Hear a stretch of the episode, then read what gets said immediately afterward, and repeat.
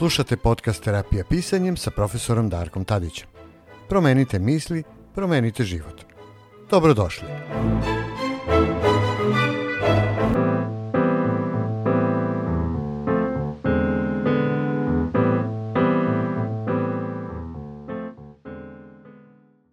Dobar dan i dobrodošli u najnoviju epizodu terapijskog pisanja. Danas smo rešili da praktično sa uh, emisijom Zašto ljudi lažu otvorimo jedan novi ciklus uh, podcasta na terapiji pisanjem.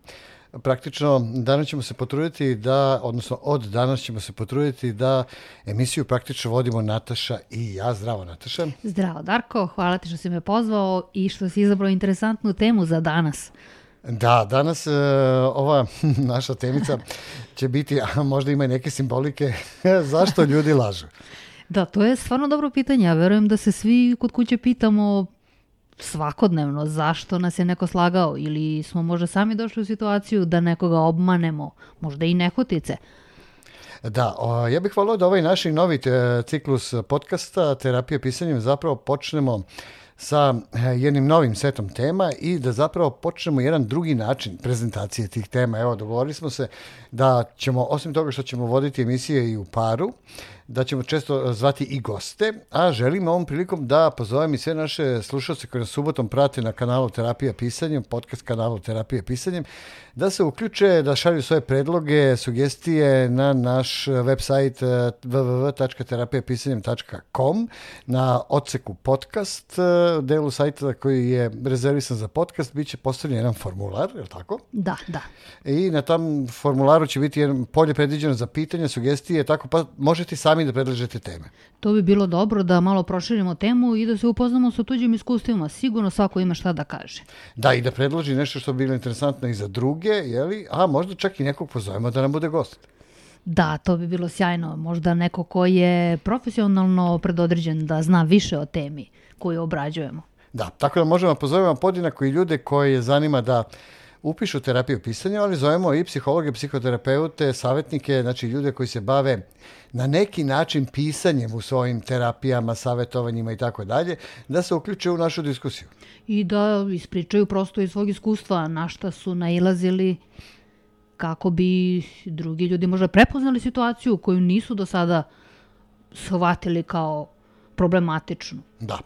Tako da u svakom slučaju bit će dosta zanimljivih stvari. No, danas možemo da krenemo sa temom zašto ljudi lažu.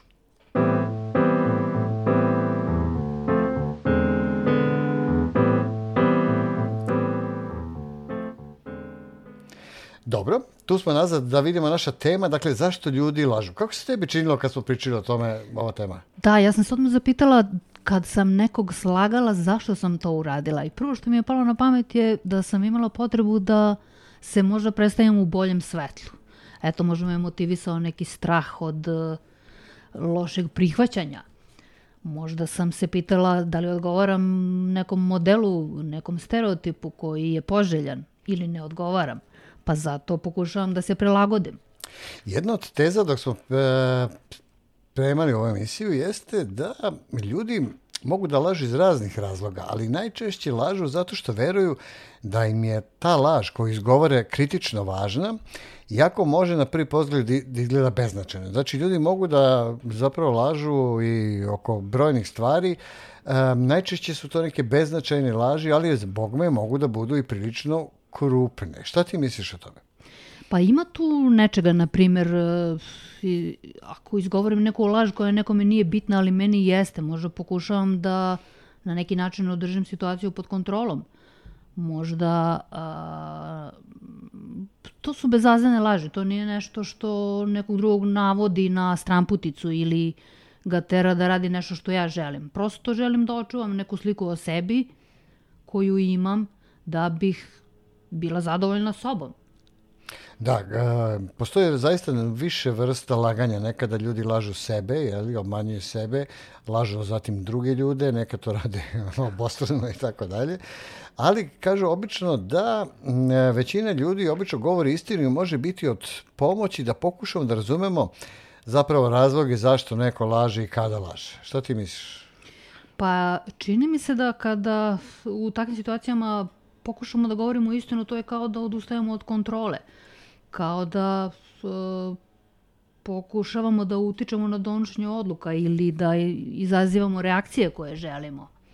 A misliš, da li ljudi lažu da ostvare nekom korist, neki interes? E, na kraju se svede na to, ma, makar to ne bio materijalni interes. Dovoljno je da me prihvate onako kako ja želim, da bih ispunila cilj. Kaže, postoje razne definicije. Neki kažu da patološko laganje nije klinička dijagnoza, iako ponekad može da bude simptom drugih problema, kao recimo što su poremeće ličnosti ili manična epizoda. Ali neki ljudi se toliko naviknu da lažu da to čine čak i kad nema jasne svrhe i kada se njihove laži lako opovrgnu, ostavljajući sve da se češu o tome šta su njihove obmane, zapravo šta su ti ljudi teli time što su nam lagali najčešće o nekim glupostima. Da, da, tu dolazimo u situaciju da nam nije lako da prekinemo taj niz laži, jer počnemo sa jednom malom, pa posle ispričamo drugu da bi podržali prvu, pa treću da bi podržali drugu i na kraju ako u kritičnom momentu kažemo istinu, srušit će nam se cela konstrukcija.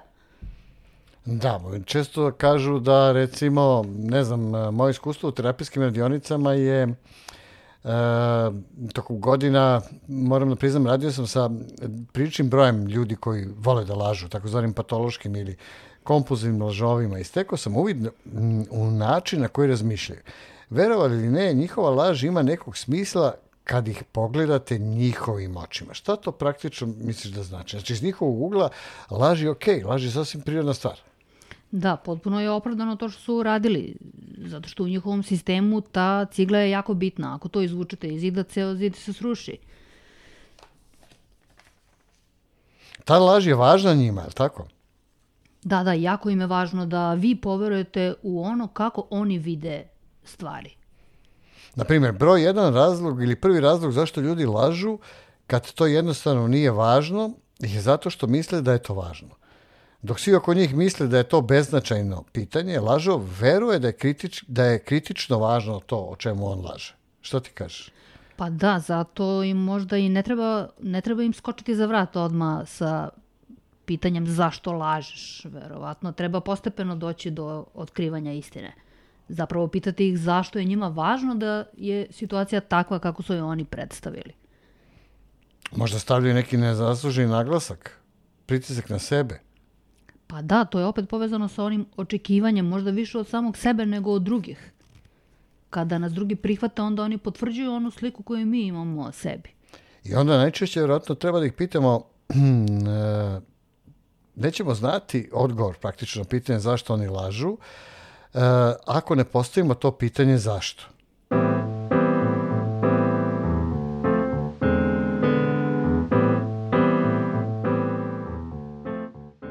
Znači, praktično, uh, ljudi mogu da lažu i rekli smo da ne bi odustali od kontrole. Ljudi često lažu jer pokušavaju da kontrolišu situaciju neku koja je njima bitna i utiču na donošenje odluka ili reakcija koju žele. Znači, kontrola situacije. Istina može biti nezgodna, jer možda nije u skladu sa njihovim nekim narativom priče koju očekuju. Da, oni ne žele da vas razočaraju. Možda vam se ne čini tako, ali ljudi koji govore laž za laž, lažima često su zabrinuti da će izgubiti poštovanje onih oko sebe. Oni žele da ih volite, da budete impresionirani i da ih cenite. I zabrinuti su da bi vas istina mogla navesti da ih odbacite ili posramite. Dobro, to su zanimljive stvari. Evo ovdje ima još jedna interesantna stavka koju smo zabeležili pre toga, a to je da je praktično laž kao neka vrsta lavine, praktično. Kao jedna mala, ona počne kao snežna grudva, a onda krene da se kotrlja.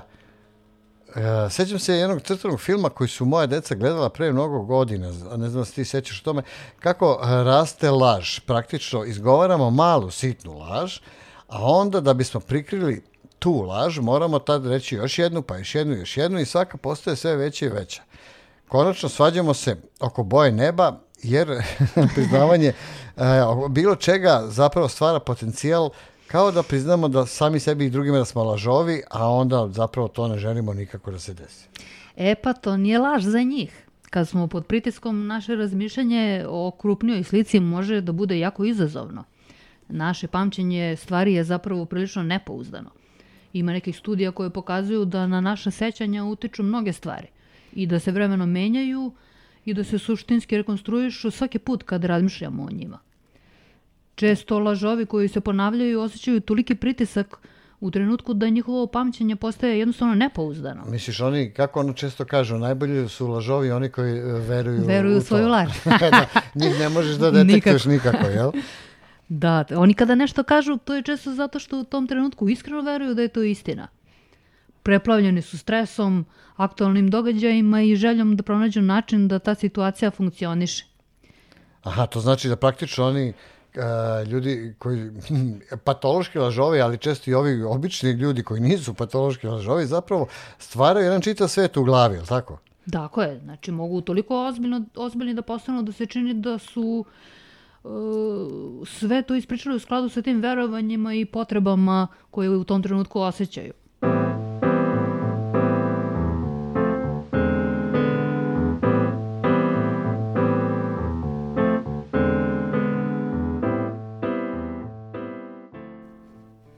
Ja nekako mislim da da li svet može da postoji bez laži uopšte? Pa izgleda da ne može, jer došli smo do snežne lavine. Znači, ako bismo na kraju priznali da je laž, poslednja stvar koju smo izgovorili, onda bi se zaista sve srušilo. A, kaži mi, Treba tebe, prvi da po- pres, prestane da laže. je tebe, prvi koji je tebe slagao. sramota kad, kad nešto slažeš? Pa, iskreno moram da priznam da malo i uživam u tome, jer mi to dođe kao izmišljanje priča, što je i kreativan čin. Tako da malo i uživam u tome. I u toj sitnoj manipulaciji, u toj maloj pobedi koju sam odnala u odnosu na stvarnost. Znači, praktično možemo da kažemo da, ajde da napravimo grubu podelu, postoje znači te male, beznačajne Male. laži, jeli, kojima činimo život uh, boljim. Podnošljivijim. Recimo, ja, ti me pozoveš na ručak, ja dođem kod tebe, ti skuvaš nešto bez veze i pitaš jel ti se sviđa, onda ja slažem da, da, odlično. Jeli? A Ali moraš, ali moraš sve da pojedeš. Da, em što moram sve da pojedem, em nisam hteo da te uvredim. Znači, e, da, znači da to ta, su bele laži. takozvane bele, a Yes. crne, A crne laže su one koje te, koji direktno onoga kome su upućene navode da učini nešto što je možda protiv njegove volje, ali meni koristi. Aha, znači postoje laži, znači bele, da tako kažemo, one su mm, Korisne društveno. korisne, nisu štetne, e, često mogu da nam olakšaju neke stvari, em, da izglade neke situacije Da. i na njih brzo zaboravimo.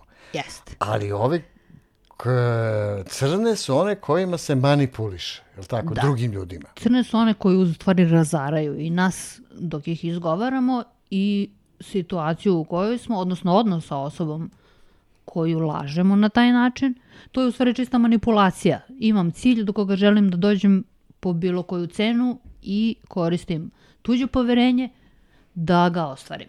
Znači, dobro, mi ćemo se i u ovoj emisiji zapravo ograničiti na tu, te laži koje govorimo međusobno. Nećemo govoriti o onim samo obmanama, jer to je Da, posebna da. tema i mislim da će zaslužiti jednu posebnu emisiju. No, da se vratimo na ovo. Znači, praktično kada smo u kontaktu sa drugim ljudima, mi zapravo imamo, najčešće koristimo te male bele laži, jeli da bi peglali situaciju, nešto držali malo pod kontrolom, ne bi vredili druge ljude, uh, itd. I na njih zaboravljamo najčešće, vrlo brzo pošto se dese, ali imamo dakle ljude koji su klize u to, u- imamo i ove koji manipulišu, znači svesno koriste Svesno, da. laži. Jesi imala takad neki susret u životu ili iskustvo? Pa ja mislim vrlo često kad malo bolje razmislim. Čini mi se da je to, pogotovo danas, opšte prihvaćeno sredstvo za postizanje cilja.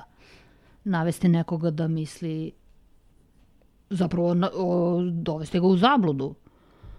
Po bilo kom osnovu. Po znači, bilo kom osnovu, nije da. u pitanju samo posao, možda najčešće su i partnerski odnosi. Da, da, mislim da su zapravo partnerski odnosi plodno tlo za izmišljanje laži, za dovođenje drugog u zabludu Mhm. zbog nekog svog cilja.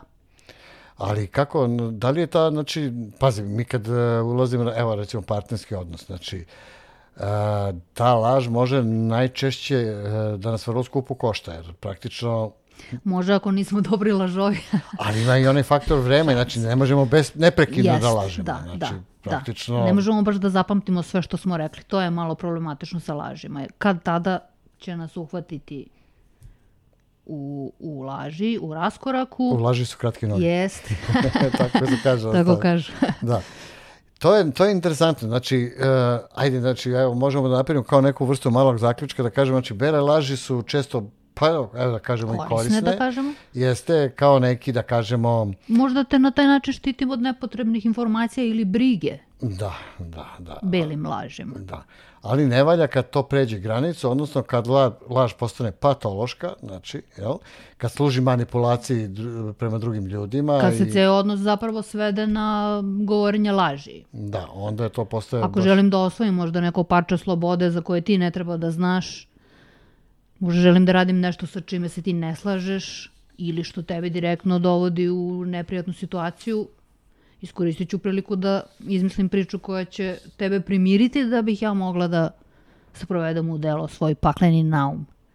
Da, tako da, uh, znači, zapravo, ajde da kažemo, neka vrsta zaključka bi bila da u svakodnevnom životu, u međusobnim odnosima, ljudi koriste bele laži najčešće i one služe u pozitivne svrhe, svakako, znači da se neke stvari peglaju, da neki odnosi budu bez nekih frikcija i tako dalje, ili da prosto budu pozitivne u nekom smislu, da ne želimo da opterećujemo druge. Opet, s druge strane, crne laži, ili ove malo žešće, teže laži, manipulacija drugima, to već postaje ozbiljan problem i uh, srećna možda okolnost kod te vrste laži je da one na, najčešće ne mogu dugo da traju. Jeli? Da, sistem mora da se sruši kad tad. Jeste, na primjer, ja sad uh, imaš muškarac ili žena, ali najčešće muškarac, na primjer, u partnerskim vezama, koji žive s dve žene, dva potpuno Da, odvojena da. života. Znači, po, često to čitam u novinama, Da, jeli, vi, to je baš, to je fascinantno. Tema za Do koje romane. mere su ljudi u stanju da iskonstruišu laž. i da vode dvostruke živote, Da. čitave dvostruke živote, je li tako? I onda ispadne da ti koji si njihov partner, da je tvoja stvarnost u stvari njihova laž. Da. Da, evo, e, baš smo u pripremi, prije dan sam gledao ovaj, jednu interesantnu englesku seriju zove se Liar. E, Rekla sam mi da si ti gledala. Jesam, da. Šta beše, to radi se onoj ženi, ona ulazi u partner, kako beše, ono, podsjeti me. Pa ona je izmanipulisana od samog početka od strane predatora koji koristi svoj šarm i svoj status da bi žene dovodio u zabludu. Liči mi malo na onu dramu plinsko svetlo, kada te konstantno ubeđuje u neku stvarnost i pritom e, pravi okolo režira čitave situacije koje idu njemu u prilog. Znači, on praktično, on je, u seriji on je neki ugledni hirurg i tako Jeste. dalje. jeli? I on zapravo vodi dvostruki život, jel? Da, zapravo on je taj tip koji On je Sedi na predator, dve stolice, da, da. a, ima fasadu uglednog uspešnog hirurga, zgodan je, naravno, i jeste, tako da, dalje. to mu vrlo pomaže da... da, da nađe žrtve Da. i tako dalje. Ali evo viš, ova žena, znači ona je od samog početka zapravo sumnjala, s obzirom da je on žrtve drogirao nekom posebnom, Da. tako više. Jeste, ali šta je tu zanimljivo? To što njoj niko ne veruje. Ona je, znači, Aha. tu sama sa istinom. E tu nas znači dovodi do onog ključnog momenta. Kako zapravo razotkrivamo laži i kako se nosimo sa time? Da, da, ispada da, da u većini slučajeva laže razotkrivamo slučajno. E sad, ako je konstrukcija jako dobro zatvorena od strane ovih osobe koja laže, onda imamo veliki problem pred sobom, pošto nam je potreban neko na našoj strani, potreban nam je svedok koji će zajedno sa nama da iznese istinu na videlo. Meni se kod terapijskog svi- e, pisanja sviđa i kod čitanja, jer sad dolazimo malo Da. i u, znači ovaj biblio koncept, e, to što evo, kroz takve priče, zapravo mi, evo ovaj, ova serija, konkretno možda bude i knjiga, nema veze, ili film, nije važno, znači mi kroz priče, kroz storytelling, kroz narativ neki, u ovom slučaju imamo ovaj događaj između žene i hirurga, jeli sa čitava priča koja se tu odvija, mi tu vidimo tih, tih nekoliko ključnih stvari. Znači, vidimo njega kao veštog predatora koji plete Da. mrežu. Vidimo nju kao jednu ženu koja je... potrebitu, kao je, njoj treba. Znači, S jedne u osnovi strane, da. manipulacije je i to da onaj koga manipulišeš, njemu treba da mu pričaš te laži. Je, ok, to je prirodno, ljudi Da. legnu svi na tu rudu, naravno, Da. svi mi tražimo, ona, ona polazi od pretpostavke, naravno da on nije predator, ne zna Da. čoveka, tako. Ali kod nje je prednost u tome što je vrlo rano, odmah na početku shvatila da nešto nije u redu, tako. I sad počinje razotkrivanje te istine. I pokušaj da se dokaže. I da se dokaže. I tu sad najlazimo na niz problema. Znači, kako jedna dobra manipulativna crna laž u ovom slučaju Da. je dobro adaptirana u društvo, dakle da njoj niko ne veruje. Da, da, i dobro strukturirana. To je problem kod tih manipulatora. Oni uvek znaju kako da postave situaciju da ona izgleda toliko realno da trunku sumnje ne možeš da da poseješ ako nemaš zaista konkretan dokaz da si prevaren. I onda me to dovodi praktično, mi to tako kroz eto, priče e, raznih vrsta u raznim medijima, mi to saznajemo zapravo, jeli da je to... A u stvari mu uspeva e, sve zato što je svet sazdan na stereotipima.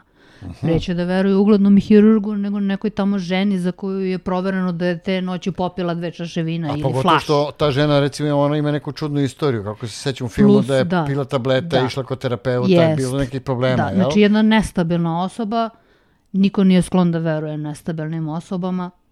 I onda je problem žesto, žestok. Da, da. Zapravo e sad, je društveni problem u stvari. Tako je.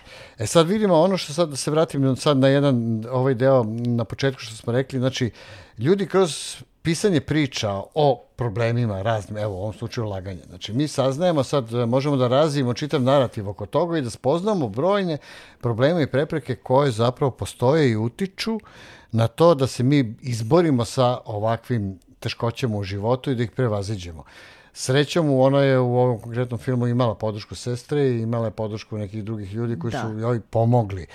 Ali, nažalost, u životu često smo svedoci da ljudi u svojim međusobnim odnosima, kažem opet i vrlo često i u partnerskim vezama i na poslu, naravno, ali ono u partnerskim vezama gde je neka intima, znači otvorena, to je naročito bolno, jel? Da. Nekako u poslu smo možda i oprezni, očekujemo da će neko da nas prevari manje možda više. Možda smo jel? na poslu i mi sami predatori.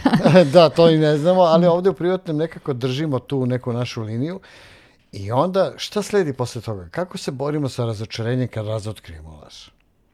Šta ti misliš?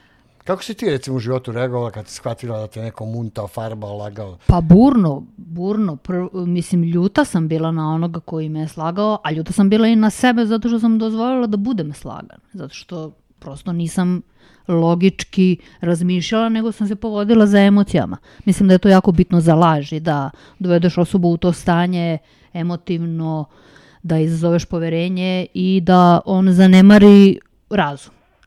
Aha, znači praktično... Uvek ima nekih sitnih signala koji ti govore da je to laž, ali s obzirom da ti ne želiš da to bude laž, ti sam potkrepljuješ tu uh mhm. -huh. priču sve do momenta kad to više ne, nije izdrživo. Znači, praktično, lažovi se zapravo vešto služe emocijama, je tako? Da, da, vrlo su, kako se to danas kaže, emoti, emocionalno inteligentni i znaju kako da ti prodaju priču I zapravo igraju na tu kartu da mi obično zapravo mislimo emocijama, što se Jest, kaže. da, da. I ko pogodi šta želimo da čujemo, taj je na dobrom putu da nas vrti oko malog prsta. Dobro. Evo, ovo je bilo vrlo zanimljiva, interesantna jedna temica. E, nadam se da je našim e, slušalcima podcasta bila zanimljiva. Ja bih volila da se jave da ispričaju neko da, svoje iskustvo. Da, to bi bilo interesantno, da. da, da nam kažu svoje iskustvo, da prosto ispričaju svoju priču, pa pozivamo dakle da nam se javite na našem e, sajtu www.terapijapisanje.com e, kroz podcast. E, tamo imate formular za postavljanje pitanja, predloga. Možemo da iniciramo proširenu diskusiju, možemo neku novu temu. U svakom slučaju pratite nas kao i do sada svaki subote, ali tako? Jeste, sad ćemo biti redovni. Sad ćemo biti redovni sa ovim raznim interesantnim temama i očekujemo i vaš doprinos. Slušajte nas redovno i Nataša, hvala ti na ovom gostovanju. Hvala tebi što si me pozvao. I samo još hoću da kažem da ljudi ne treba da misle da će se svet srušiti kada istina izađe na videlo. Apsolutno. Istina na kraju uvek pobeđuje, ja u to volim da verujem. I ja isto. I nadamo se da je lekovita biti uvek. Je li? Uvek je lekovita. Zapravo laž razara iznutra pola polako, ali postojano. Tako je. Tako da, hvala vam dakle još jednom, hvala Nataša, e, hvala vama što ste bili hvala s nama. Tebi, Darko. I slušamo se do sledeće subote. Doviđenja. Doviđenja. Slušali ste podcast Terapija pisanjem sa profesorom Darkom Tadićem. Pratite nas i u sledećim epizodama na našem sajtu www.terapijapisanjem.com. Do slušanja.